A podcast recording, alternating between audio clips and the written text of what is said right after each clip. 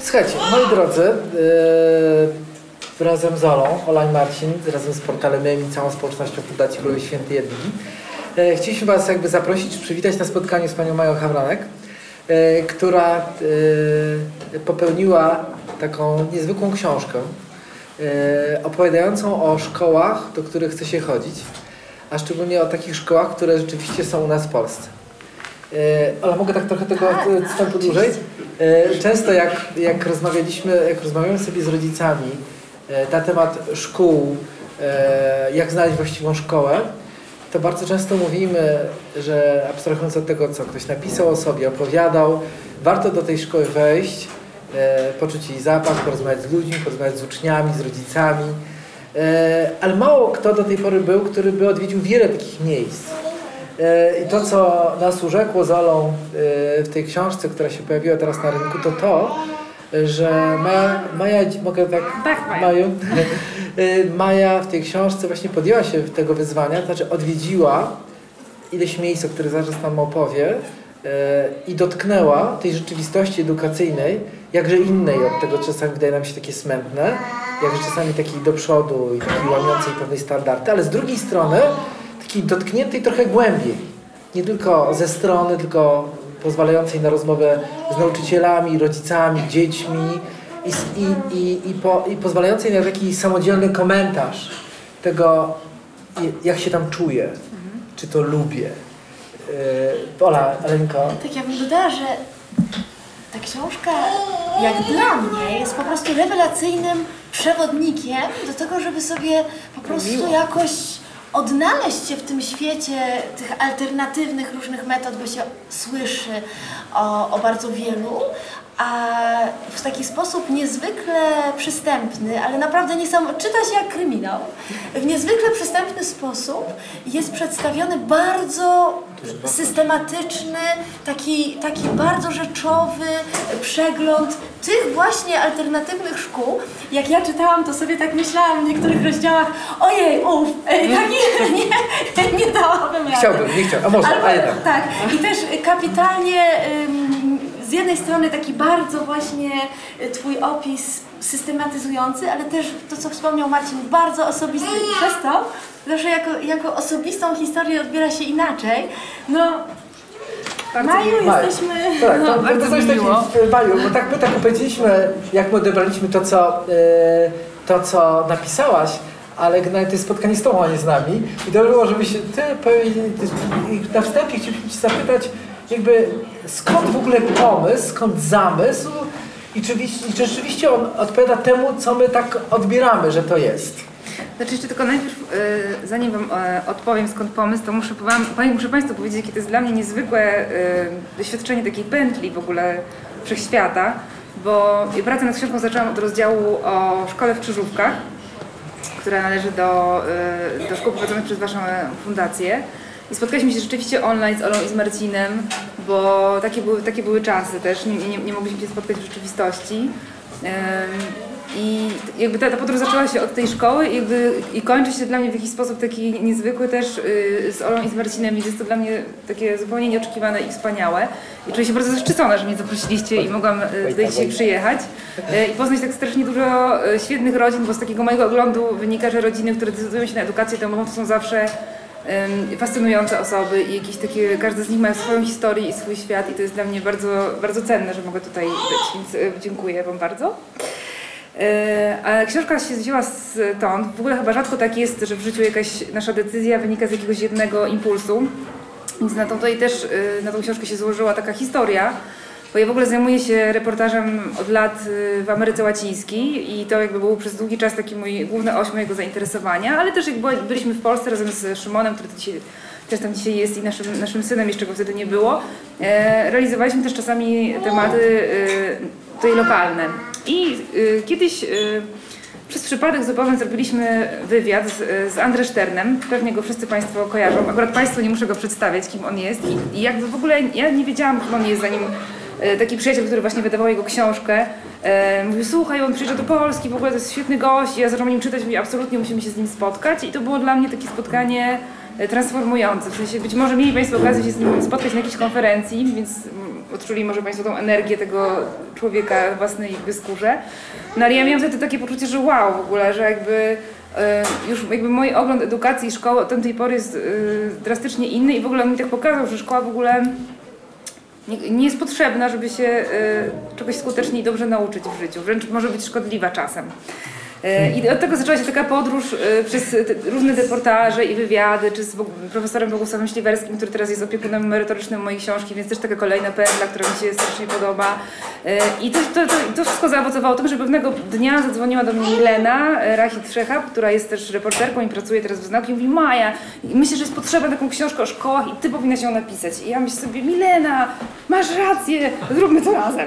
No i e, tak to się zaczęło. W sensie ona to jakby propozycja wyszła od niej, ale jakby ona się jakby to ziarno padło na taką już dobrze zaoraną glebę i ja byłam na to go- gotowa i w ogóle czuję się bardzo, utożsamiłam się z tym projektem. W sensie od początku poczułam, że to jest też bardzo moje i chciałam napisać coś, co będzie praktyczne, dla rodziców też, więc jest to też coś takiego, co wykracza trochę poza formułę reportażu, bo ja rzeczywiście napisałam 10 reportaży o 10 różnych miejscach i one są naprawdę jakby spełniają wszystkie e, zasady tego, jak się tekst reporterski pisze, ale oprócz tego jest też taki, jest też trochę wstępu, jest też trochę takiego zakończenia, e, którym mm, dzielę się z, z czytelnikami jakimiś moimi refleksjami, tym jakie ja pytania sobie zadam, kiedy mój trzyletni teraz syn y, będzie na takim etapie, że będziemy musieli wybrać dla niego jakąś ścieżkę edukacyjną.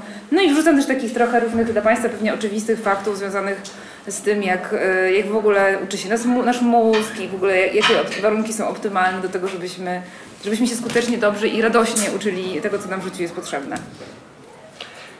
A y, powiedz mi, jak Gola, jak e, decydowałaś się na te spotkania, czy reportaże, czy miejsca, to czy miałaś sytuację, że miałaś więcej miejsc e, niż możliwości, żeby je odwiedzić, czy nie? Czy było trudnością wyłapywanie pewnych interesujących inicjatyw takich edukacyjnych? Tak, znaczy y, tych miejsc było właśnie za dużo y, jakby to, i to była taka radość od razu na samym początku, że jak ja sobie wypisywałam te miejsca i tu, i tu, i jeszcze tu, i tu, i tu i je dzwoniłam do różnych osób, a które ty byś opisał, a które to byś, osób, które już znałam gdzieś z jakiejś wcześniejszej mojej drogi, no to tych miejsc było y, za dużo, żeby one mogły się zmieścić w książce, nikt by tego nie przeczytał, nawet największy fan y, chyba jakiejś alternatywy w edukacji. No więc stwierdziłam, że muszę sobie wybrać jakieś kryteria, jak te, e, jak, te, jak te miejsca wybrać, bo nie wiem, szkół waldorskich jest 7 w Polsce, no więc którą z tych szkół? E, Kryteria były rozmaite, od takich, e, ja sobie założyłam jakieś takie finansowe, w sensie, żeby albo to były miejsca, które są żeby przynajmniej połowa z nich była miejscami bezpłatnymi, żeby to była taka rzeczywista alternatywa, a nie fałszywa tylko dla rodzin, które są zasobne. I żeby też, a jeśli już jest wczesne, to żeby ona nie przekraczało też jakichś granic takiego zdrowego rozsądku, bo, bo jakby rozmawiając z rodzicami w Warszawie na przykład, no to wszyscy mi mówią, że tam nie ma granicy górnej czesnego, w sensie, że może i 10 tysięcy kosztować szkoła miesięcznie i więcej, więc jakby cóż z tego, że jest jakieś fajne miejsce, jeśli to jest jakieś zupełnie, no nikogo nie ma zdrowego śmiertelnika na to nie stać, nie? Więc to było jakieś kryterium, chciałam też, żeby były miejsca z różnych części Polski, żeby, żeby też nie skupić się tylko na przykład na Warszawie czy Krakowie, z którym jestem na przykład życiowo związana, ale żeby pokazać miejsca z różnych zakątków i właściwie z wyjątkiem właściwie tego po, południowego, e, południowego wschodu, gdzie akurat nic takiego ciekawego nie znalazłam, to mi się mam wrażenie udało. E, No i też konsultowałam to z różnymi osobami, między innymi z, z profesorem Bogusławem Śliewerskim, bo miałam taką przygodę, e, że kilka lat temu pisaliśmy wspólnie z Szymonem reportaż o Szkole Demokratycznej z Krakowa, która już nie istnieje. I bardzo chciałam uniknąć takiej sytuacji, że miejsce, które mi wyda mi się e, atrakcyjne, ciekawe i warte opisania, na przykład za dwa lata nie będzie już e, istniało, bo wtedy ktoś to przeczyta za jakiś czas, uzna, że co to w ogóle za efemerydy i po co w ogóle decydować się na alternatywy, jeśli za chwilę okaże się, że połowa z tych miejsc jest nieaktualna. Więc jakoś tak mam wrażenie, że takie, takie kryteria mniej więcej były wyboru tych miejsc. A, Olasiu, tak? A na przykład jest tak, że y, część szkół czy miejsc, które opisywałaś, y, było interesujące w dużej mierze clue tego zainteresowania, to było to, że jest tam jakaś metoda, a część z nich to, że oczywiście metoda i osobowości, ale niektóre z nich opierały się głównie na osobowościach. E, Zgodziłabyś się z taką tezą, że też jest coś takiego, że niezwykle interesujące rzeczy dzieją się też tam, gdzie nawet nie musi być do końca opisanej szczegółowo metody, ale pojawia się pasjonat, który z sobą wnosi pewną, pewne multum rozwiązań, które czyni tą szkołę oryginalną. No totalnie, Wiesia, to, tak? totalnie tak jest, no, Pani Wiesia, ale też jakby i, i wy, wy też jesteście tego, tego doskonałym e, przykładem, bo jakby zawsze staram się po prostu znaleźć takich ludzi, którzy byli równie fascynujący co Wy, i którzy mają jakąś historię, takie prawdziwe serce i jakby miłość do tego, e, co robią w życiu. I mój w ogóle wniosek jest taki, bo oczywiście bo sta- bo staram się jakby pokazać rodzicom e, pełen wachlarz możliwości, albo może nie pełen, bo to jest niemożliwe, ale no tak z grubsza, nie? że od takiej klasycznej alternatywy szkół, szkoły Montessori, waldorskiej, demokratycznej czy frenetowskiej, która jest w Poznaniu, przez szkoły, które są publiczne, ale pracują w nich właśnie nauczyciele, którzy mają, e, mają sobie to coś, że, że chcą i że też mają siłę, żeby, żeby robić to, e, co chcą robić.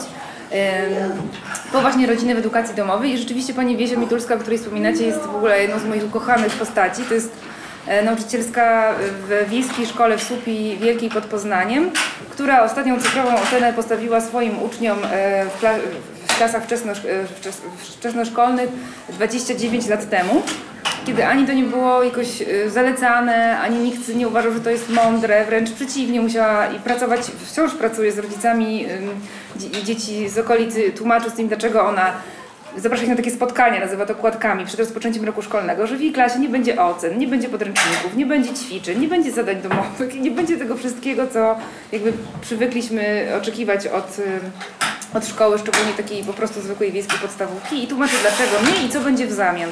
E, No i pani Wiesia jakby jest dla mnie niesamowita, bo ona rzeczywiście jakby stworzyła swój autorski program w oparciu o rozmaite nurty i inspiruje się właściwie wszystkimi pedagogami nowego wychowania, ale też e, jakimiś własnymi wypracowanymi metodami. Stworzyła autorski program i, i pracuje tak jak, jakby nie- nikomu się nie da zaszufladkować. Robi to, co czuje i widzi, że jej, się, że jej się sprawdza w klasie, niezależnie od tego, czy ma tam przez te 30 lat raz miała bardziej sprzyjającą dyrekcję, a raz mniej. Ostatecznie jest zadowolona, że przynajmniej nikt jej tego nie uniemożliwił e, i się cieszy z tego, że może pracować tak z dziećmi. No. Jest niesamowita. Ja tak właśnie czytając e, tę książkę, ale również e, przygotowując ten pomysł tutaj, że, że dzisiaj się spotkamy z Tobą, tak myślę sobie, bo książka jest na temat różnych systemów, czy też różnych metod, czy pomysłów na, na edukację. Jest owszem też o edukacji domowej, ale jesteśmy tu wszyscy dzisiaj w gronie rodzin z edukacji domowej. I e, myślę sobie, że to jest strasznie ciekawe dla nas, bo zawsze to z Marcinem mówimy, że tyle jest pomysłów na edukację domową, ile nas y, jest, że, że bardzo, bardzo jest to kolorowy świat i nieprawdopodobnie różnorodny.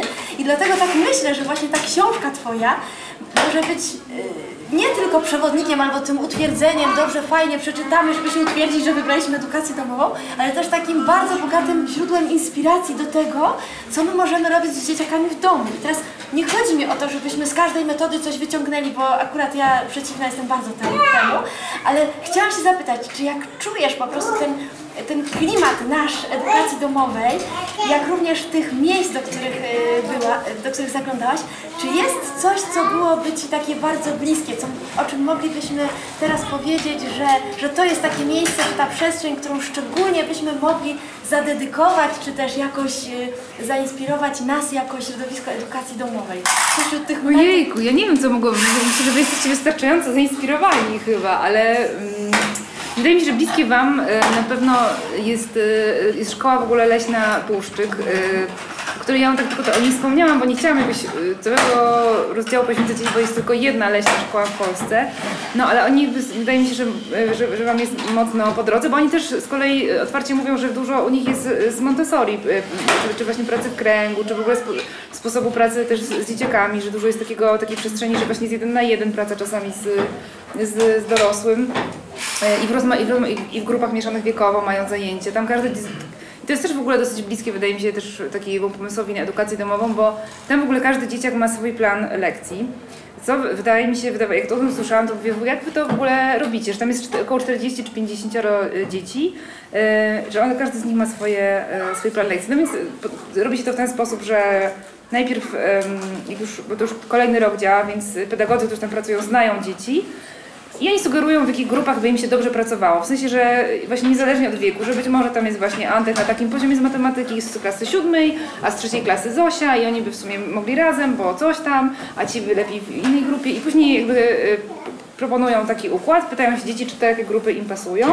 Jeśli im takie grupy pasują, no to starają się ten sposób ułożyć plan. Jeśli na przykład się okaże, że później dzieciakom ze sobą się nie pracuje najlepiej, woli pracować w innej grupie, to też jest jakaś taka elastyczność, żeby te grupy zmieniać, więc bardzo starają się dostosować to do tego, e, na jakim właśnie mm, poziomie takim powiedzmy e, intelektualnym, ale też na takiej, z taką wrażliwością na to, w jakiej grupie dzieci chcą e, przebywać i z kim chcą się uczyć po prostu, nie? Ze swoich, swoich znajomych w szkole i szkoła to jest wszystko tylko takich kilka pięknych kontenerów drewnianych przy lesie, więc właściwie jest tam błoto po pas, bo to jest od trzech lat, więc jeszcze nie wszystko jest zaaranżowane e, i takie zestawy jak nasi, dzieci małe mają takie wiecie wodery i kalosze, to tam takie wiszą też dla, dla dużych. Ja jak tam wchodziłam akurat to była taka dwójka chłopaków, tak myślę, że mieli z 11-12 lat i po prostu skakali do takich wielkich kałuży w tych woderach, w tych kaloszach z błota i widać było, że są ultra szczęśliwi. Jak mnie zobaczyli i widzieli, że się im przyglądam, to oczywiście jeszcze bardziej e, zamaszyści się tam wskakiwali. No ale to jest takie miejsce bardzo jednocześnie bliskie przyrody i wolne, ale są, są dorośli, są jakieś takie ramy, w których można e, e, pracować. Myślę, że no, pi- pięk, piękna inicjatywa to jest. A, a Maju, jest coś takiego, że y, y, ty poznawałaś, nie mówię, że taką terę incognita, ale generalnie dowiadywałaś się, jak działają te poszczególne szkoły, miejsca i ludzie. A czy mogłabyś powiedzieć, że w czasie tej przygody z zbieraniem tych materiałów coś cię szczególnie zaskoczyło? Wiesz, no, znaczy takim, znaczy tak, w ogóle jak, jak zaczynałam się, zbierałam się do tego tematu, to zaskoczyła mnie w ogóle myśl pedagogiczna Celestyna Freneta, której ja nie znałam, yy, mimo że tam się trochę interesowałam i jakby strasznie mi się spodobała i strasznie mi się też podoba szkoła, która jest w Poznaniu, bo to jest publiczna szkoła Kogito w Poznaniu prowadzona według tej myśli. Yy, I myślę, że coś takiego bardzo świeżego. Zaskoczyło mnie też to, że on w ogóle, yy, ta szkoła frenetowska w Polsce ma najdłuższą tradycję, bo ponieważ on był e, ideologicznie komunistą, to w czasach PRL-u, kiedy wszystkie inne alternatywy były, były, e, były zakazane, nie można było otwierać szkół, e, nie można było założyć szkoły Montessori czy Waldorskiej oficjalnie, to działała szkoła e, frenetowska w takim sanatorium w Otwocku, e, szkoła sanatoryjna. Mm, Więc ta myśl w ogóle to mnie zaskoczyło, że ona jakby tak długo jest i że tylko jest tylko jeden owoc w postaci tej szkoły, że tutaj jest jakiś taki, jakiś taki brak e, ciągłości trochę. E, czy ten brak takiego, no, że mogło być tego więcej, nie? Bo montessoriańskie szkoły to jest dopiero lata 90., a już jest ich tak dużo, nie? Więc to taka, takie było zaskoczenie dla mnie. Em, zaskoczy- Jakimś tak uświadomiłam sobie po raz kolejny to, że w sumie wszystkie te miejsca, które opisałam, każde z nich jest inne, ale jakby miały, jakby miała jakoś tam e, znaleźć jakiś wspólny mianownik, to wszystkie one jakby wychodzą z głowy, w sensie przestają tak strasznie zwracać uwagę na to, żeby tylko tą naszą wiedzę poszerzać, ale starają się właśnie zwracać uwagę na relacje, na, mają, mają taką dobrze zaopiekowaną tą taką przestrzeń emocjonalną w szkołach i publicznych i nie na tyle na ile mogą. I że jakby ci nauczyciele, którzy ostatecznie właśnie decydują się na tą inną ścieżkę, zauważają, że to jest właściwie clue, żeby właśnie zaopiekować tą, tą naszą e, sferą emocjonalną i społeczną, a potem jakby zajmować się to, czym zwy, to zwykle rozumiemy pod słowem e, edukacja, nie? Że, to, że to jest właściwie taka najważniejsza rzecz. No.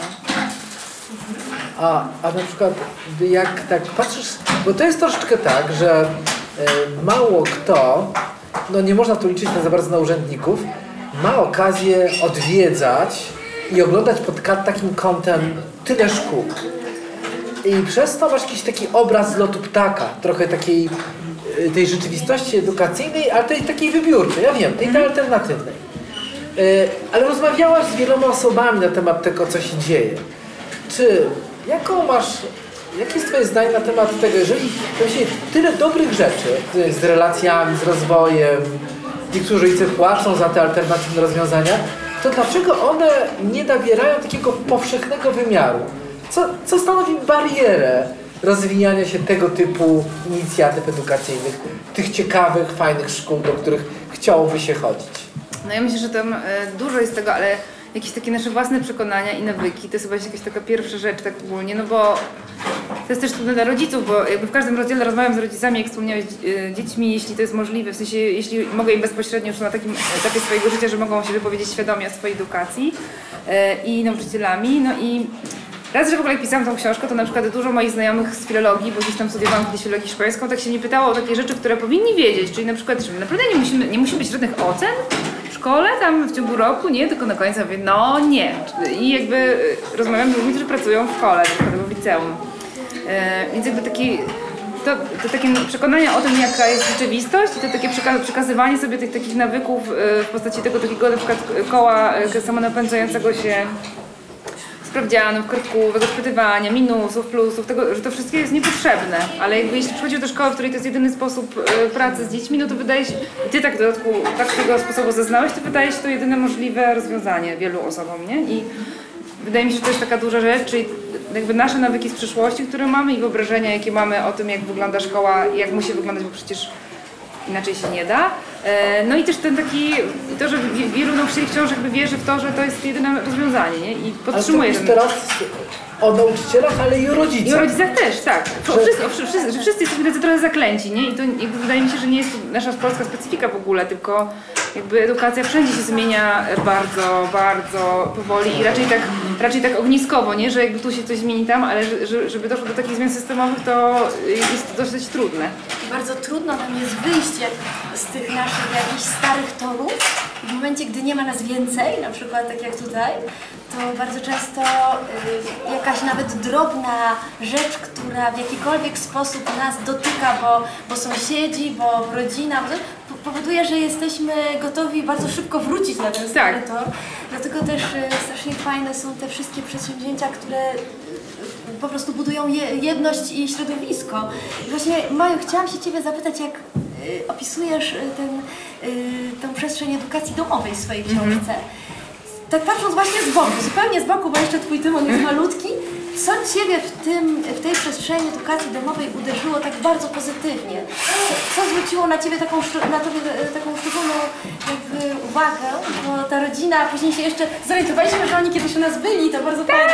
To byli u nas rozpoznaliśmy. I oni w ogóle zakładają teraz szkołę od tego roku też. A właśnie, aha. w ogóle Co takiego bardzo pozytywnego Cię tam dotknęło, co mogło być takie budujące tutaj dla nas? No, y, ale to myślę, że to jest też Państwa doświadczenie na pewno. No. Dla mnie to było niesamowite, jak, jak, bo tam akurat ta rodzina miała, ma, ma, czworo dzieci, w odstępie tak mniej więcej co półtora roku, co dwa lata, więc dosyć, dosyć gęsto. Y, I jak bardzo samodzielne są te dzieciaki, nawet te, które jeszcze nie chodzą, znaczy nie chodzą, bo oni stworzyli taką inicjatywę dla własnych starszych dzieci i dla dzieci z okolicy, które są w edukacji domowej, y, czyli jakby na parterze swojego domu, bo akurat mają takie możliwości, y, zorganizowali taką przestrzeń, gdzie te dzieciaki mogą przychodzić na różne zajęcia, mogą na wszystkie, a mogą tylko na wybrane, od takich jakichś bardzo turbo fajnych jak y, robotyka, ale też takie zajęcia właśnie z komunikacji bez przemocy, z, albo właśnie jakieś artystyczne, no, różne, różne, różne rzeczy. Mm, No ale te, te, te mniejsze dzieciaki, bo tam jest tam było właśnie dwuipółlatek i y, czterolatka, to też tam schodzą do nich, do tej szkoły oczywiście, do tej szkoły, nie szkoły, jak oni to nazywają. Y, I są bardzo tacy samodzielni i wszystko potrafią sami zrobić właściwie, naprawdę dużo. Więc to mnie dla mnie było takie, takie świetne. I też to jak, akurat przyjechałam do nich w ogóle w dniu, w którym się okazało, że ta e, trzecia, e, że druga najstarsza dziewczynka, która miała tam lat chyba 7, e, oni się zorientowali, że ona umie czytać tego dnia. Więc to też było e, strasznie fajne, bo właśnie mówią, że dzisiaj właśnie Aniela, dzisiaj się okazało, że Aniela umie czytać, e, a że oni mieli żadnych, nie, nie, nie mieli żadnych oczekiwań wobec niej, bo akurat e, Aniela ma niedo, niedosłuch, jeśli dobrze pamiętam, czyli właśnie e, oni zakładali, że pewnie nauczy się czytać no, dużo później, żeby się, że nie będą się, założyli, że się nie będą tym spinać w żaden sposób. Tymczasem okazało się, że ona coś tam przeczytała nazwę aparatu i potem oni właśnie myśleli, a może usłyszała jak mama mówi, że aparat się nazywa Lumix, więc zaczęli tam wypisywać różne słowa na, na komputerze, okazało się, że wszystkim je przeczytać, więc to było takie dla mnie też wspaniałe, że, e, że to może się odbyć w ten sposób, nie? Bo z to tak rodzice poza strefą edukacji domowej przeżywają, nie wiem, właśnie te litery, jest jakiś taki wysiłek w sumie, albo czasami nawet jakiś trud, nie? A tutaj po prostu, o, Aniela umie czytać, więc to było takie, to było takie cudowne. E, te, też te ich doświadczenia, o których mówisz, e, o te takie, e, że trzeba mieć sobie siłę, Państwo też ją muszą mieć, nie? Żeby mieć taką, takie by się impregnować trochę na te komentarze z zewnątrz, bo opowiadali mi o tym, że gdzieś tam jakaś była sytuacja, w której ich, ich syn się był jakiś wyjątkowo głośny, czy jakiś nieprzyjemny dla nich chyba wręcz, coś tam im tam brzydko odpowiedział i oczywiście jakaś tam ciocia czy koleżanka, już nie pamiętam, ktoś komentował tak, no widzisz, to wszystko dlatego, że on nie chodzi do szkoły. Więc jakby pewnie Państwo to też często słyszą, że to jest y, taka łatwa, łatwa e, konkluzja dla... E, no bo z tym, że pewnie Państwo tak mają, że tak sobie wyobrażam, że to jest trudne dla innych dzieci, rodziców, którzy mają dzieci w szkole, że jak to wy jesteście tacy, jakoś to tak drażni, nie? Że jak można poza szkołą, że trochę się jest takim dziwakiem, szczególnie jeśli nie ma tych innych podobnie myślących wokół siebie, więc potem jest jakaś taka potrzeba, żeby sobie to potem zracjonalizować wśród tych osób, które idą tą tradycyjną ścieżką, nie? I tak jakby każdy, każda jakaś taką nieudaną rzecz, czy jakoś bycie niegrzecznym, czy jakkolwiek to chcemy nazwać, potem do, dokleić to do tego, a no to jest w ogóle jakieś coś strasznego ta edukacja domowa, nie? A mogę? Bo, e, to jest tak, że w niektórych e, miejscach opisywanych w tej książce, tak jak sp- wspomniałaś ty i to zapytaliśmy cię, bardzo dużą rolę odgrywają osobowości. Tak. Ale z drugiej strony my doświadczamy tego, że na dłuższą metę ciężko pchnąć coś bez zespołu. I czy spotkałaś się z miejscami? Ja tak trochę odebrałem to z Poznaniem, ze szkołą, gdzie jakby po jednej stronie był cały zespół, że zespół mówił jakby jednym głosem i był przez to mocny. To znaczy, że to nie była tylko idea jednej osoby, e, albo że póki on jest, to się jakoś trzyma, tylko że powstał zespół przy jakimś ciekawym projekcie. To czy zgodzisz się, że to właśnie Poznań i Frenet, czy jeszcze jakieś miejsce było dla Ciebie takim znakiem, tu jest zespół ludzi, którzy w ten sposób pracuje? Znaczy myślę, że wy też macie tutaj taki zespół ludzi, którzy tak Pewnie chcemy pracują. trochę się jakby promować, to wiesz, żebyś to przedstawiła. Bardziej nam zależy na pytanie o innych miejscach, jesteśmy ciekawi. Nie, nie myślę, że, myślę, że tak jest. y, W, takiej każdej inicjatywie chyba, która... e, No pani Wiesia jest takim trochę samotnym żeglarzem, nie? Ale ona jakby po prostu pracuje w swojej klasie, tyle może zrobić i ona taką, taką ma dla siebie... Takie ma dla siebie zadanie. Ona jakby powiedziała, że ona nie chce, jak się zapytałam, czy, chce czy nie, nie chce gdzieś wyjechać, gdzie jakby szerzyć tego pomysłu dalej, to ona powiedziała, że ona czuje, że ona jest potrzebna tym dzieciom w, tej, w tym miejscu i że tutaj, że zmianę trzeba wprowadzać tam, gdzie się jest. Taką ona ma e, myśl i że jest tutaj jest jej miejsce na świecie. I ona owszem się udziela na różnych konferencjach i się wymienia, ale nie chciałaby prowadzić szkoły w Krakowie, Warszawie czy na Pomorzu, gdzie jej to proponowano. Mm. Natomiast rzeczywiście tam ta szkoła fernetowska to jest, to jest duży zespół, e, to jest w ogóle duża szkoła, tam jest 400 dzieci ponad. E, Normalna po prostu to jest w ogóle wielki budynek taki e, tej szkoły tysiąclatki, po prostu ogromny.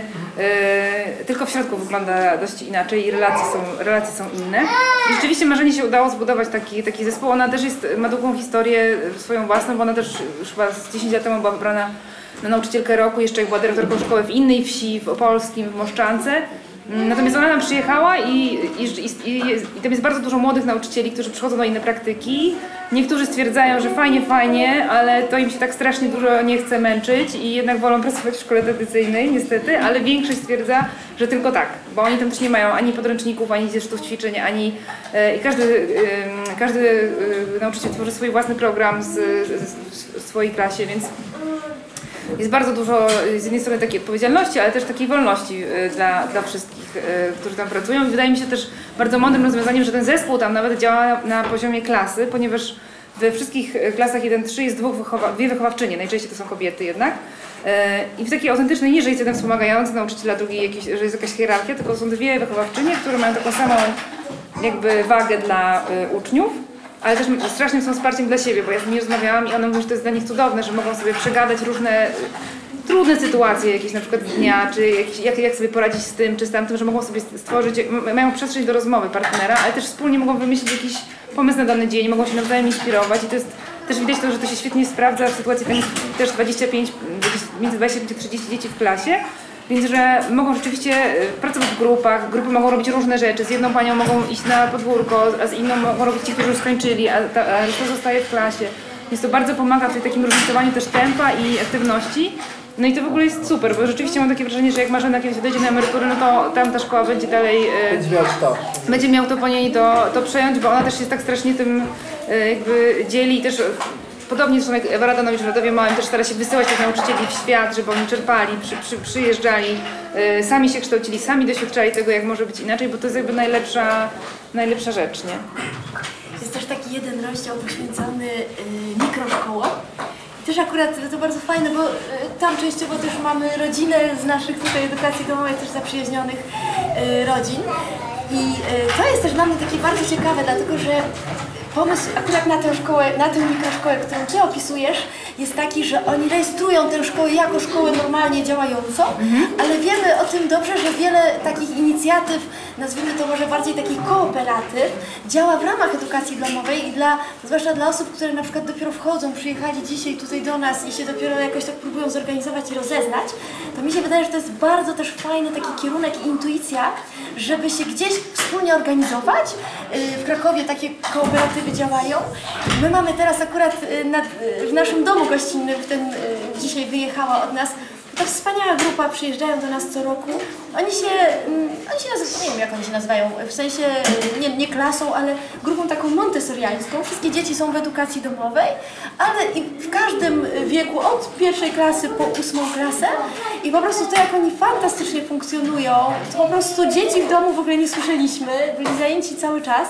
Myślę, myślę sobie, że ten pomysł, jakbyś y, Mario jeszcze tak podpowiedziała, bo nie chodzi o to, żebyśmy tworzyli szkoły, a, y, rejestrowali, bo już tego nie musimy, bo jesteśmy zapisani, czy jesteście zapisani tutaj do nas, ale jako organizacyjnie fajny bardzo do Tylko zanim Maja by się działania. powiedziała, tylko powiem po tym wrażenia po tej mikroszkole, co mi się podobało w sposobie pracy szczególnie, że oni tak jak oni cały czas coś działają, robią i robią w takim fajnym spokoju, łącznie z tym, że cisza nocna, nie mówię, że jakoś tak nie istnieje, ale po prostu kładą się spać, jak skończą coś robić, coś takiego bardzo naturalnego i ty się składa z nim, że odpowiedziałem kaloryfery byłem tam o godzinie 9.30 rano, a oni śpią. I ich szef mówi, no my tak lubimy pospać. I to było takie, takie normalne. Małżeństwo prowadzi I to małże- razem. po- Oni sobie pospać, tak jako dzieci, cała ekipa śpią sobie dłużej.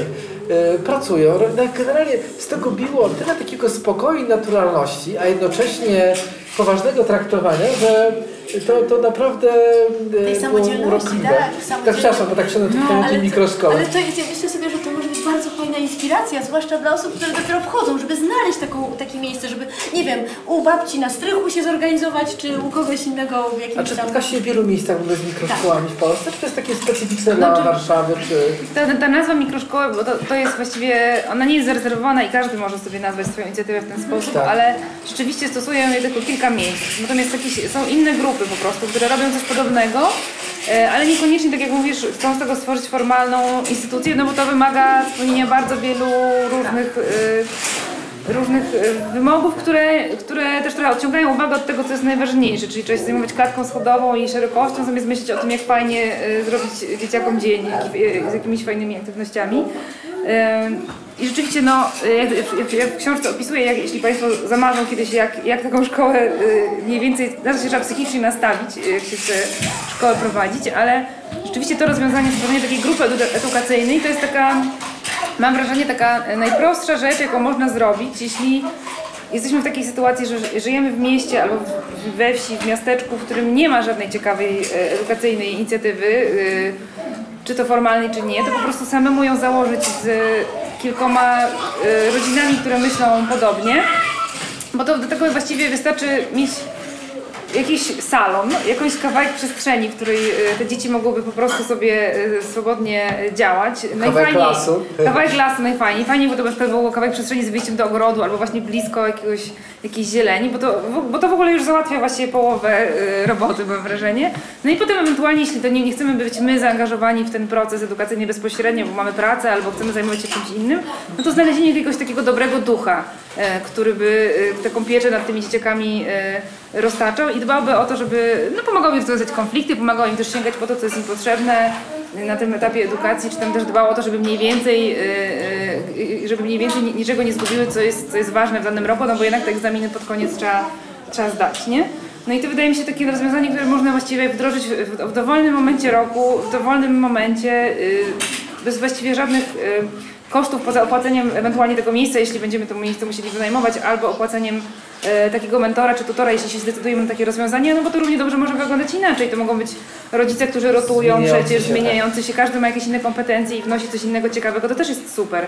Więc jakby e, ostatecznie kształt tego może być taki, jaki, jaki będzie najwygodniejszy dla tych osób, które to miejsce tworzą, ale to jest takie bardzo elastyczne i bardzo takie dostępne, nie? W Krakowie mieliśmy parę lat temu taką ekipę, która nawet nie, nie tyle, że miała miejsce, po prostu spotykali się na takiej zasadzie, że każdego dnia inny rodzic ogarniał to towarzystwo i każdy tak jakby pod kątem swojego e, w czwartki e, W ogrodzie chodzili po muzeach, gdzieś tam, tak, i jednocześnie tak się umawiali, że ten rodzic, to była chyba dziesiątka dzieci, tego dnia też organizuje obiad, więc te dzieci były fajne, bo one i, i w ten sposób pozostałe cztery dni w tygodniu inne rodziny miały do, do, no, po prostu na swoją pracę, tak. No, To bardzo też fajne. bardzo fajne. Zapytamy jakieś A pytania. jeszcze, a jeszcze, no, jeszcze mogę się tak koniec tej Tak. partii pytań do Mai, a gdybyś po tych doświadczeniach, bo generalnie zaczęła się tą, tą opowieść o tym, że troszeczkę było takiego wątku osobistego. Sama jesteś ciekawa, gdzie e, wasz młody by trafił, Tymon, prawda?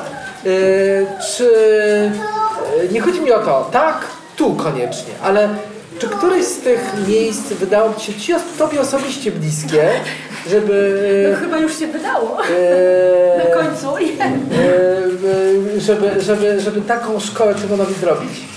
Wiesz co, no ja właśnie nie mam gotowego rozwiązania, no bo jakby jak byliśmy w krzyżówkach, to zaczęliśmy szukać ziemi w krzyżu, około krzyżówek, więc myśleliśmy, że tam byłoby spoko, yy, tym bardziej, że jesteśmy związani z okolicami. E, potem... E, Tak wiedziałem. Także wiesz, e, to może się tak skończyć e, ostatecznie, e, ale... Mm, no i, mm, jeszcze nie wiem, gdzie my będziemy żyli na etapie właśnie, kiedy, kiedy Gucio będzie chodził do szkoły, bo na razie jesteśmy związani z Krakowem, ale niekoniecznie tak wtedy będzie. No to po prostu zależy, ale mam sobie takie coś, że jakby nie, nie mam takiej sztywności, że to...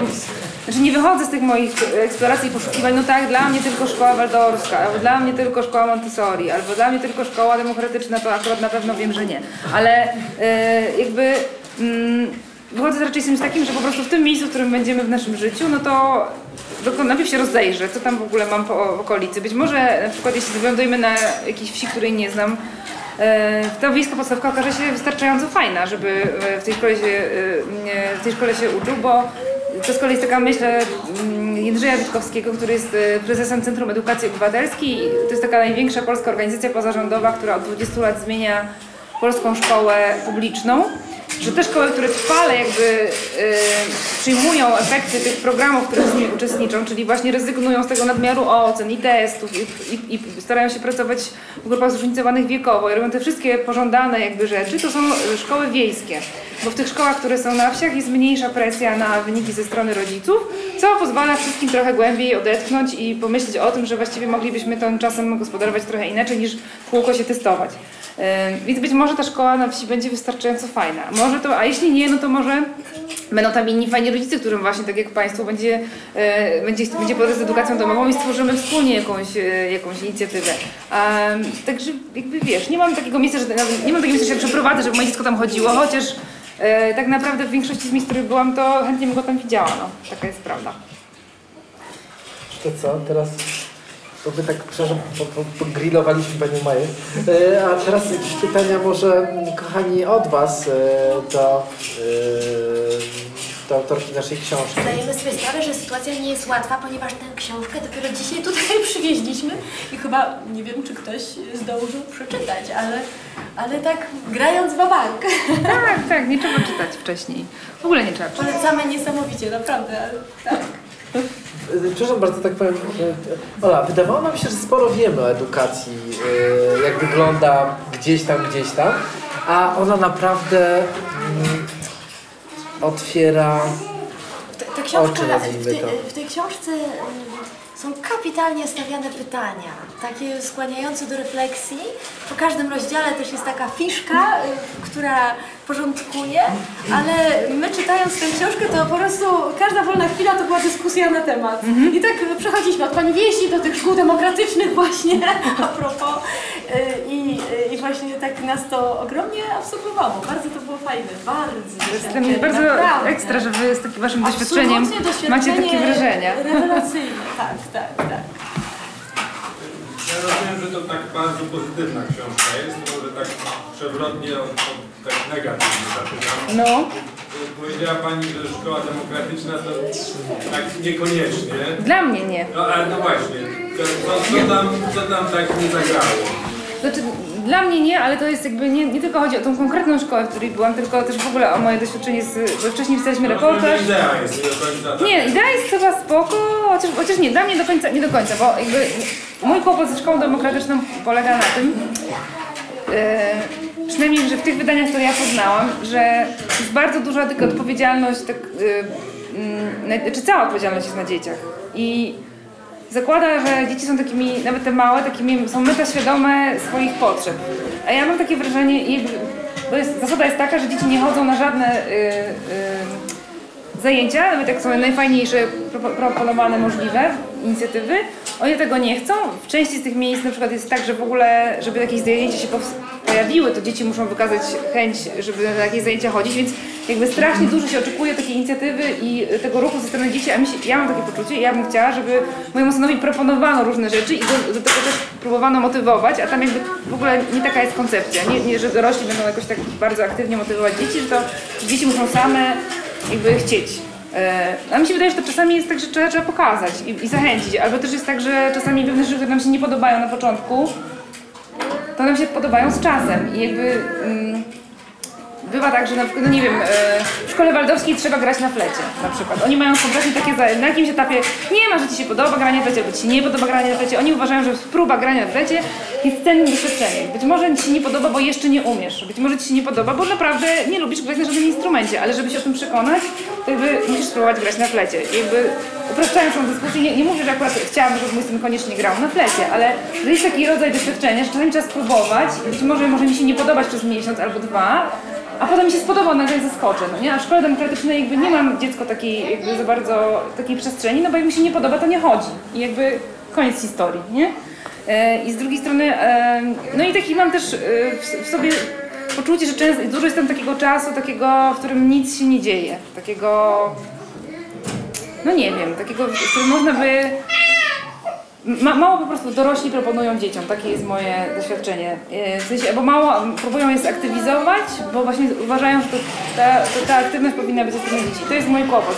To, że może, może to są takie miejsca, które poznałam. Być może w ogóle idea tej szkoły też może być, jest adaptowana przez ludzi, którzy ją tworzą, więc to po prostu pewnie zależy od miejsca. Ja mam takie pytanie, czy podczas poszukiwań materiałów do książki zdarzyło się Pani tak, że pojechała Pani w jakieś miejsce, gdzie miało, miała się okazać szkoła ciekawa, a okazała się być systemowa? E, Nie okazała się być systemowa, ale na przykład mikroszkoła, o której wspomniałaś, ja im to zresztą powiedziałam i też to chyba nawet e, tak e, napisałam w tekście, że to jest szkoła, która w największym stopniu przypomina szkołę w moim odczuciu taką tradycyjną. E, Bo oni mają oceny, chociaż mniej, mają sprawdziany, chociaż dwa rodzaje na różnych kartkach, coś tam, jedne są próbne, do których się podchodzi, kiedy się chce. Jakoś to tam jest też zmiękczone, ale w ostateczności jest to po prostu bardzo mała szkoła. Tak jakby oni się inspirują metodą Marii Montessori, ale praca własna u nich polega na tym, ta nazwa została i to mnie właśnie tak też zagotowało, że to się nazywa pracą własną, a te dzieciaki tam robią zadania domowe, które, które im zadano, żeby ich nie robić w domu. No więc jakby musieliśmy sobie tam dużo rzeczy powyjaśniać, bo ja jakby też z innym nastawieniem przyjechałam do tego miejsca i później, ale też każdy, mm, boha, wszyscy bohaterowie tekstu w sensie, y, każdy, każda szkoła przeczytała o sobie przed publikacją i też właśnie było to przestrzeń na to, żebyśmy się porozumieli, bo ja na przykład właśnie tu piszę, że praca własna nie jest pracą własną, oni mówią mi, no ale my w ogóle już odeszliśmy od Marii, metody Marii Montessori, więc nie możesz nas czytać przez ten pryzmat, no więc musieliśmy sobie to tam jakoś tam y, y, uzgodnić, o co im chodzi. Więc oni na przykład są taką szkołą, która nie jest, no nie jest systemowa, ale jest, y, jest po prostu małą, dość tradycyjną szkołą. No nie? Ale w tym, że ona jest mała, i że te relacje są już takie e, bezpośrednie, gdzie i, i dbają właśnie o to, żeby, żeby wszystkie, wszyscy się tam dobrze czuli, to już jest jakby, wydaje mi się, wystarczająco fajne środowisko. No nie? Że też nie każdy rodzic jest gotowy na to, żeby, żeby przyjść na przykład na edukację domową, nie? albo żeby właśnie posłać dziecko do szkoły e, demokratycznej, bo to, co się powtarzało w ogóle w, tej, w, tych, w ustach wielu pedagogów, którzy uczyli w tych szkołach, to prawie każdy mi mówi, że to jest szkoła dla każdego dziecka, ale to nie jest szkoła dla każdego rodzica, więc ostatecznie potem wybieramy takie miejsce, na, jakie- na jakie sami my jesteśmy gotowi, szczególnie chodzi o małe dzieci, które jeszcze nie decydują o sobie, no bo to jakby jest, to jest nasz wybór, nie? Nasz wybór dla nich. Tak, to jest szkoła w Warszawie akurat, no. E, ale to jest też tak, że każdą z tych mikroszkół tworzy inny zespół ludzi i on, oni sami wypracowują to, jak ma to miejsce wyglądać, więc na pewno inna mikroszkoła, niezwiązana z tamtą, może wyglądać zupełnie, zupełnie inaczej. Nie? Więc to trzeba znowu samemu przyjść i rozpoznać. Tak samo jak samemu trzeba przyjść i rozpoznać, czy szkoła Montessori jest na pewno szkołą Montessori, no bo pewnie Państwo to też dobrze wiedzą. No nie trzeba mieć żadnego, e, znaczy nie ma żadnego systemu sprawdzania tego, nie? Że ja słyszałam takie doświadczenia od niektórych rodziców, że oni zapisali dziecko do szkoły Montessori, ale tam żaden z nauczycieli nie był certyfikowany w tej metodzie, czyli ogólnie wiecie, no, nazywają się tak tylko, bo to jest teraz modne na przykład, nie? I rodzice chętnie zapisują i zapłacą za to, nie, roz, nie wiedzą jak sprawdzić. Prostu. To tworzenie tych, przepraszam, mogę tylko jeszcze ten jeden komentarz? Tworzenie tych mikroszkół jest dosyć też takie trudne z takiego punktu widzenia, że bardzo często tworzone przez rodziców są bardzo mocno dostosowane do tych dzieci, które my mamy, tak? Do mojego Jasia, Stasia i tak dalej, a potem no, nie utrzymają się, z, taka szkoła nie utrzyma się y, z, z trzech rodzin, więc zapraszamy do tego pomysłu kolejne rodziny i one niekoniecznie zawsze wpisują się w, ten, w te potrzeby, jakie my mieliśmy tworząc. I czasami to jest bardzo trudne, no bo przyjdzie na przykład ktoś, kto ma jakieś tam problem, problemy z zachowaniem, tak, i na przykład rozwala wszystko, a my tu myśleliśmy, że dla naszych dzieci stworzymy po prostu taki raj malutki w- na tym gdzieś tam strychu. I to jest, to, to jest też no to jest ta trudność, tak? Bo to jeszcze jak zapisuję gdzieś dziecko, no to zapisałem. Ale jak ja to stworzyłem, sam tutaj przygotowałem, to to jest ta... Tak, no w ogóle przychodzi, mi- przychodzi mi do głowy taka ta historia, którą Olga się też dzieli, która założyła nie mikroszkołę, tylko po prostu zwykłą szkołę na wsi tą e, Eurekę i ona mówi właśnie, że ona założyła szkołę z myślą o swoim synu i mówi, że jej syn nie cierpi chodzić do tej szkoły. I po prostu, tak, tak, bo się okazało, że szereg różnych rzeczy oraz nie cierpi faktu, że jego mama jest dyrektorką i wszystko zawsze wie pierwsza.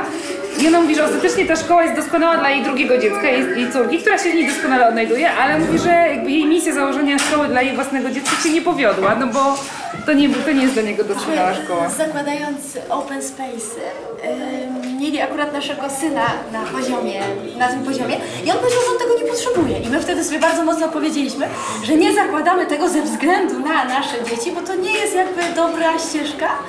I no, takie mamy doświadczenie też osobiste, że to nie jest. Ale przepraszam, bo było pytanie. O. Mm, tak y, prześledziłaś y, może taką ścieżkę edukacyjną y, niektórych dzieci, albo no wiadomo, że jakby ten poziom pierwszy, tak? Czy to jest tylko poziom tych najmłodszych dzieci, czy to są też, też licea, tam opisujesz? W, no, w grupa licealna to właśnie Jak, jak grupa... później na przykład z, z wejściem na studia, no. No to jest taki duży lęk, duży lęk rodziców, nie co będzie, co będzie dalej, co będzie później, więc ja raczej na ten lęk staram się odpowiedzieć y, ustami rodziców, bo to jakby tych, którzy mieli starsze dzieci, bo czasem się tak zdarzało, że na przykład ktoś miał dorosłe dzieci, które y, prze, przeszły przez, jakiś, przez jakąś metodę i potem już jakby kolejne dzieci w tej, w tej historii. No ale y, jeśli chodzi o edukację domową, to akurat w ogóle jest dosyć ciekawe. Bo w Polsce nie ma jakichś super dużych badań na ten temat, ale rozmawiałam z takim, e, z takim doktorem Markiem e, Budajczakiem, który prowadzi taki Instytutio, Instytutio Educatio Domestica, tak, i on mówi, że z, z, z, powodzeniem możemy ekstrapolować jakby wyniki badań ze Stanów, dlatego że ta grupa jakby jest ostatecznie dosyć podobna i jakby doświadczenie jest dosyć podobne, a Stany są pionierem w tej w tej dziedzinie. I tam jest w tej chwili kilka milionów dzieci w edukacji domowej i jest od lat. I już mają badania na poziomie meta, które wskazują różne takie nieintuicyjne dla wielu osób rzeczy, że na przykład e, dzieci z rodzin, mm, które przeszły przez, prze, wykształciły się w edukacji domowej, e, lepiej sobie radzą w koledżu, mają lepsze wyniki akademickie, w testach, których na przykład nie robiły całe życie, no nie? E, że, e, nie wiem, częściej biorą udział w wyborach, czyli jakby mają taką częściej proaktywną e, postawę społeczną. Też jest taki duży lęk na przykład rodziców, którzy jeszcze się nie zdecydowali na edukację domową, że, że będą te dzieci właśnie wyalienowane, że nie będą miały kontaktów, y, że w ogóle, że to strasznie jest do środka, tymczasem okazuje się, że są często o wiele bardziej na zewnątrz, bo są na przykład członkami różnych wspólnot, niekoniecznie religijnych, ale w ogóle jakieś, e, angażują się w jakieś życie po prostu swoje lokalne, właśnie po to, żeby robić coś ze swoimi dziećmi nie tylko we własnym domu i to staje się naturalne dla tych dzieciaków, nie, że częściej się angażują w wolontariaty, więc y, jakby takie badania są, e, e, są ze Stanów e, rozmaite, które to mierzą. E, Też na przykład taki ciekawy wynik, który u nas jest nieistotny, ale że właśnie dzieci y, ze, ze społeczności y, y, czarnych i rdzennych, które są w edukacji domowej, lepiej sobie radzą niż, niż te, które są w szkołach.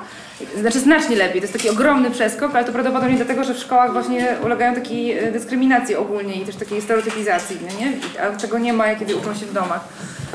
No więc raczej myślę, że można oddychać ze spokojem. E, nie wiem, e, pani Wiesia miała taką, znaczy jedna z mam, która teraz ma e, córkę u pani Wiesi, ma dorosłego syna, który u niej chodził lata temu i ma środkowego syna, który nie chodził do pani Wiesi.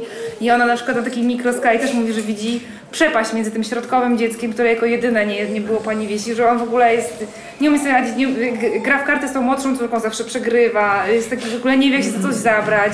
E, tak. I w ogóle, że jakby tu ze- ze- boryka się z wieloma rzeczami, e, no a ta mała po prostu jest bardzo taka, e, bardzo taka i samodzielna i, i wie, wie jak, jakby zaspokoić różne swoje potrzeby, a najstarszy syn, który jest kierowcą e, ciężarówki, to mówi, że on po prostu e, bezustannie stosuje metody w stylu jakichś karteczek, systemów zapamiętywania, których się nauczył e, u pani Wisi podstawówce lat temu 15. No nie, więc jakby wydaje się, że, e, że wiele z tych rzeczy działa, natomiast ostatecznie to jest też tak, e, że nie ma pewnie jakiejś idealnej metody, która zadziała z każdym dzieciakiem e, i też wydaje mi się, że najtrudniejsze w tym jest to, że możemy z takim wielkim namysłem i troską stworzyć jakieś miejsce, tak jak Olga, szkoła dla swojego syna, która nie jest dla jego syna, albo, albo, albo wybrać, wybrać jakąś szkołę, która nam się wydaje najciekawsza, no a potem nasze dziecko stwierdzi, że w ogóle albo trafi na jakiś nieciekawy skład towarzyski, nie będzie tam szczęśliwe, bo nie będzie miało przyjaciół, albo trafi na jakiegoś pedagoga, który akurat z którym coś nie zagra i trzeba będzie i tak poszukać czegoś czegoś innego, nie? Więc to, co wydaje mi się takie pocieszające, że jakby, i to takie też trochę zdejmuje, wydaje mi się, odpowiedzialności, czy odpowiedzialności takiego ciężaru tej odpowiedzialności, znaczy, że to nie jest, że to nie musi być decyzja na całe życie, nie? Że możemy po prostu reagować i wspólnie co roku się pytać, czy jest nam tam fajnie, czy te rzeczy, które nam się nie podobają są na tyle, na tyle dojmujące, że, że jednak poszukamy czegoś nowego, czy może jednak te dobre rzeczy to kompensują na tyle, że jesteśmy w stanie łyknąć te, których ta szkoła nam na przykład albo to miejsce nam nie daje. E, No i jakoś to, tak, to jest takie pytanie, z którym się chyba nigdy, znaczy nie wiem, czy to się tak da, no nie wy o tym wiecie, bo wy macie starsze dzieci, nie? Że to jest coś takiego, co chyba trzeba sprawdzać cały czas, nie? Na bieżąco. Tak, to jeżeli można jakby, jeżeli mogę coś ze swojego doświadczenia z Olcią powiedzieć a propos tego pytania o studia, to, to, to y, ewidentnie czujemy, że dzieciaki, które przychodziły przez edukację domową, to dla nich kontekst studiów i w ogóle zdawania egzaminów y, nie jest w ogóle jakimś zagadnieniem, nie jest jakąś nowością w porównaniu z tym, jak porównujemy dzieci czy samych siebie, kiedy dla większości z nas przejście z liceum na studia było dramatem, y, bo się okazywało, że jednak jest gdzieś jakiś egzamin, trzeba go zdać y, i trzeba to potraktować poważnie i musi po prostu jakiś materiał się trzeba tego nauczyć. To choćby to jest taki drobiazg, który powoduje, że edukacja domowa, e, dzieciaki licealiści, e, którzy decydują się na nią w ogóle nie mają tego typu dylematu. A też jest ciekawe jakby, e, e, jakby grupy wybierające rodzaj edukacji, bo zupełnie jest kwestia innych motywacji. Inną grupą są dzieci z edukacji domowej w takich klasach 1, 1-3, 1-6, a co innego takie 7 7-8 liceum, kiedy to są już wybory tych młodych ludzi i to są bardzo ciekawe wybory, bo to są takie motywacje już na poziomie e, chcę w ten sposób się uczyć albo chcę w tym czasie zrobić coś ważnego dla mnie. że dla nas w ogóle kontakt z, z licealistami, wcześniej jeszcze z gimnazjalistami w edukacji domowej, to to po prostu była bardzo często uczta. To są, to są młodzi ludzie, którzy Przerwana bardzo jakimś- często... Tak, ale to są, to, są, to są młodzi ludzie, którzy bardzo często Siarkiem potrafią y, podejmować takie decyzje i takie wybory, których my się boimy. Bo gdzieś tam właśnie się trzymamy kurczowo.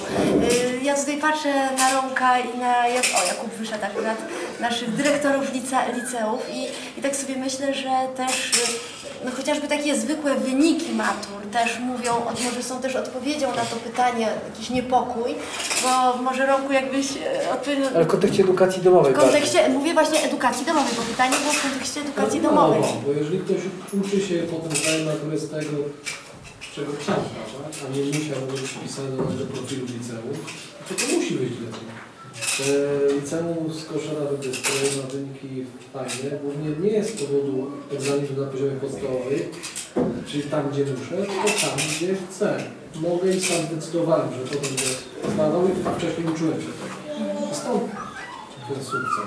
Tak. Jeszcze z założeniem, że nie mamy żadnych egzaminów wstępnych do liceum w edukacji domowej, czyli nie mamy tego przesiewu na początku, prawda, u nas, a potem y, ta młodzież zdaje te Dlatego po rozszerzenia. prostu studiów pamiętam kilka takich rozmów, gdzie były licealista, gimnazjalista wcześniej w edukacji domowej mówił, czy pan co, trafiłem na Politechnikę i to jest szkoła. Czyli tutaj nie było szkoły, tutaj było bardziej jak na studiach wydaje się, że powinno być. A a tam się okazało, że tam jeszcze jest po staremu. To tak było Co do. Frustracja, ale świadomość, że nie ma wariantu B, bo jak chcę potem mosty budować, no i zostają tej technice. Albo rezygnują ze studiów. Uważają, że to jest dla nich strata czasu i szukają z własnych ścieżek. No. No, to, ale to jest związane bardzo często z takim elementem, kiedy studia są zawodem, e, bo, bo ta książka jest o, o fajnych polskich e, szkołach.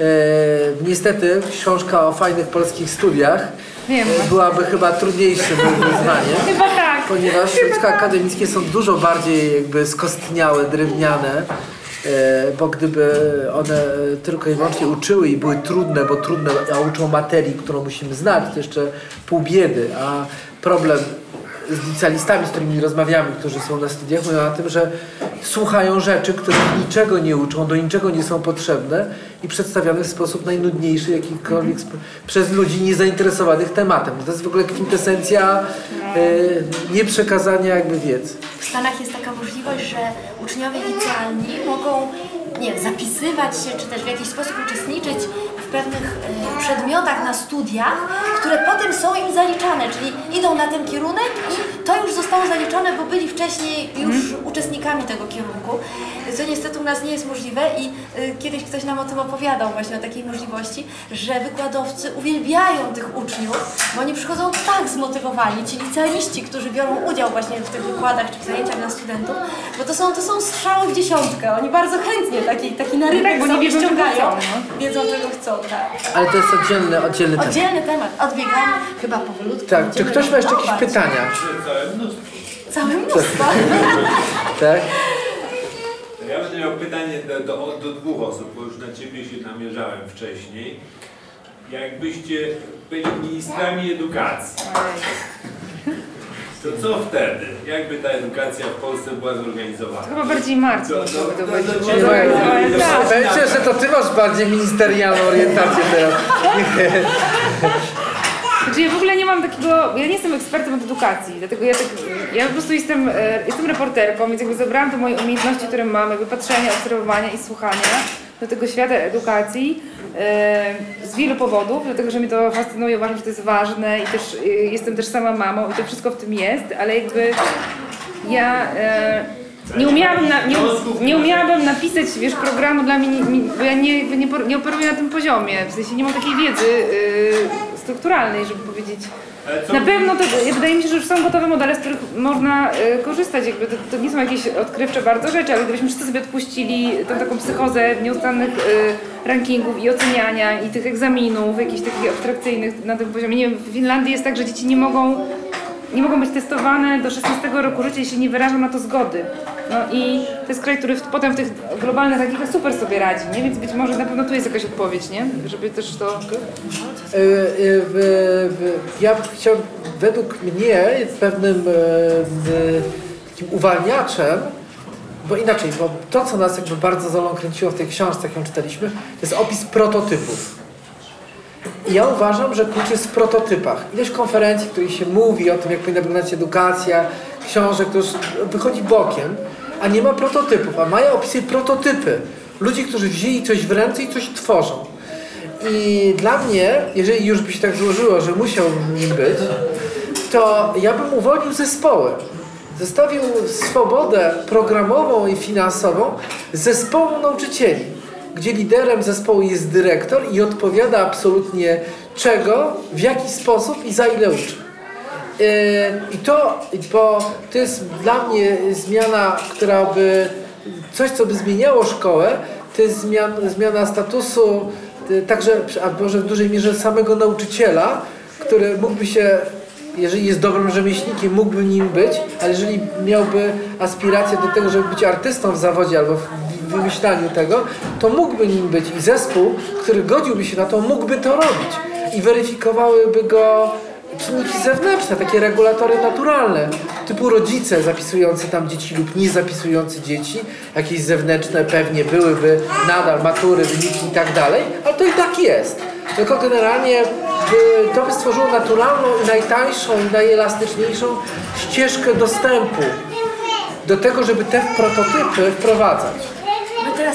Na takim etapie, że chcemy wykorzystać taki wentyl troszeczkę, tak, taką, taki, taki, taką możliwość, który daje obecny system, a mianowicie tworzenia innowacji pedagogicznych. I od przyszłego roku, bo już tutaj nawet wynajmujemy przestrzeń, będziemy chcieli stworzyć taką innowację, taki prototyp właśnie, innowację pedagogiczną, metoda Montessori w klasach szkół podstawowych, ale w ramach systemu y, Tak we Francji to jest. stacjonarnego, gdzie po prostu pójdziemy na całość, gdzie odejdziemy kompletnie od tych stopni, gdzie, gdzie będzie troszkę taki jak open space dla licealistów, tylko że my mamy to w ramach edukacji domowej, a jednak zamysł, że można to zrobić w, w stacjonarnej. Także od września szykujemy się, tworzymy zespół i tutaj koszaranie Tak, na ale, dole. ale, ale, ale cenne są prototypy. No tak jak, że bardzo, ja jestem bardzo fascynuję się różnymi książkami i Saxon zrobił taką, popełnił taką fajną biografię e, Leonarda da Vinci. I Leonardo da Vinci e, wykształcony był jak był, ale głównie zasługał z tego, że tworzył prototypy i któryś z tych prototypów w końcu zaczynał działać. Ale bez nich e, nie powstałyby pewne rzeczy. Przepraszam bardzo, jakieś pytanka jeszcze? Ja chciałbyś jakoś spuentować nasze spotkanie? Nie, nie, ja wiem czym spuentować. Ja myślę, że jakby cieszę się, że jest nas tak dużo ogólnie w ogóle i że Państwo tutaj są i że Wy jesteście i Wy to chyba też najbardziej czujecie to, że przez te 20 lat ostatnich y, przy, przybyło, nie? Więc to jest taka dobra, dobra wiadomość myślę i że wszyscy możemy być takimi małymi ziarenkami, które nas doprowadzą do tego, że kiedyś osiągniemy jakiś punkt krytyczny, który sprawi, że, że zmieni się więcej. Ola, a my chyba tak dziękujemy naprawdę za tą książkę, koło tej roboty i zebrania tej wiedzy. I wydaje mi się, bo jakby ona w nas wszystkich buduje takie poczucie, że w różnych miejscach można, że można, że pieniądze nie są zasadniczym problemem, że system też nie jest problemem, że można z nim zawalczyć. Bo dla mnie to jest jakby bardzo dużo takiego, chyba Ola sił dało przeczytanie tej I, książki. wie, I wielka inspiracja, naprawdę. Bardzo jest mi miło. Opis, bo opisywałaś też, inspirowałaś nas innymi ludźmi, intelektualami, no. Ekstra. Także zapraszamy wszystkich, tam jest stoliczek przed naszymi drzwiami i można w cenie promocyjnej, tak? A to nie wiem nawet. To, to, A jeszcze bardzo, bardzo ciekawe, bo y, w trakcie, y, w trakcie y, pracy naszej wspólnej nad, tym, nad tą książką okazało się, że redaktorem tej książki jest nasz ukochany sąsiad jeszcze z czasów warszawskich, Marcina, przyjaciel od dziecka. Harcerz. Słowy Więc to było zawodnik takie bardzo fajne spotkanie jeszcze po drodze. Tak, to wszystko się po prostu zakręciło. Także dziękujemy bardzo Dziękuję za, bardzo. za Maju, bardzo Teşekkür ederim.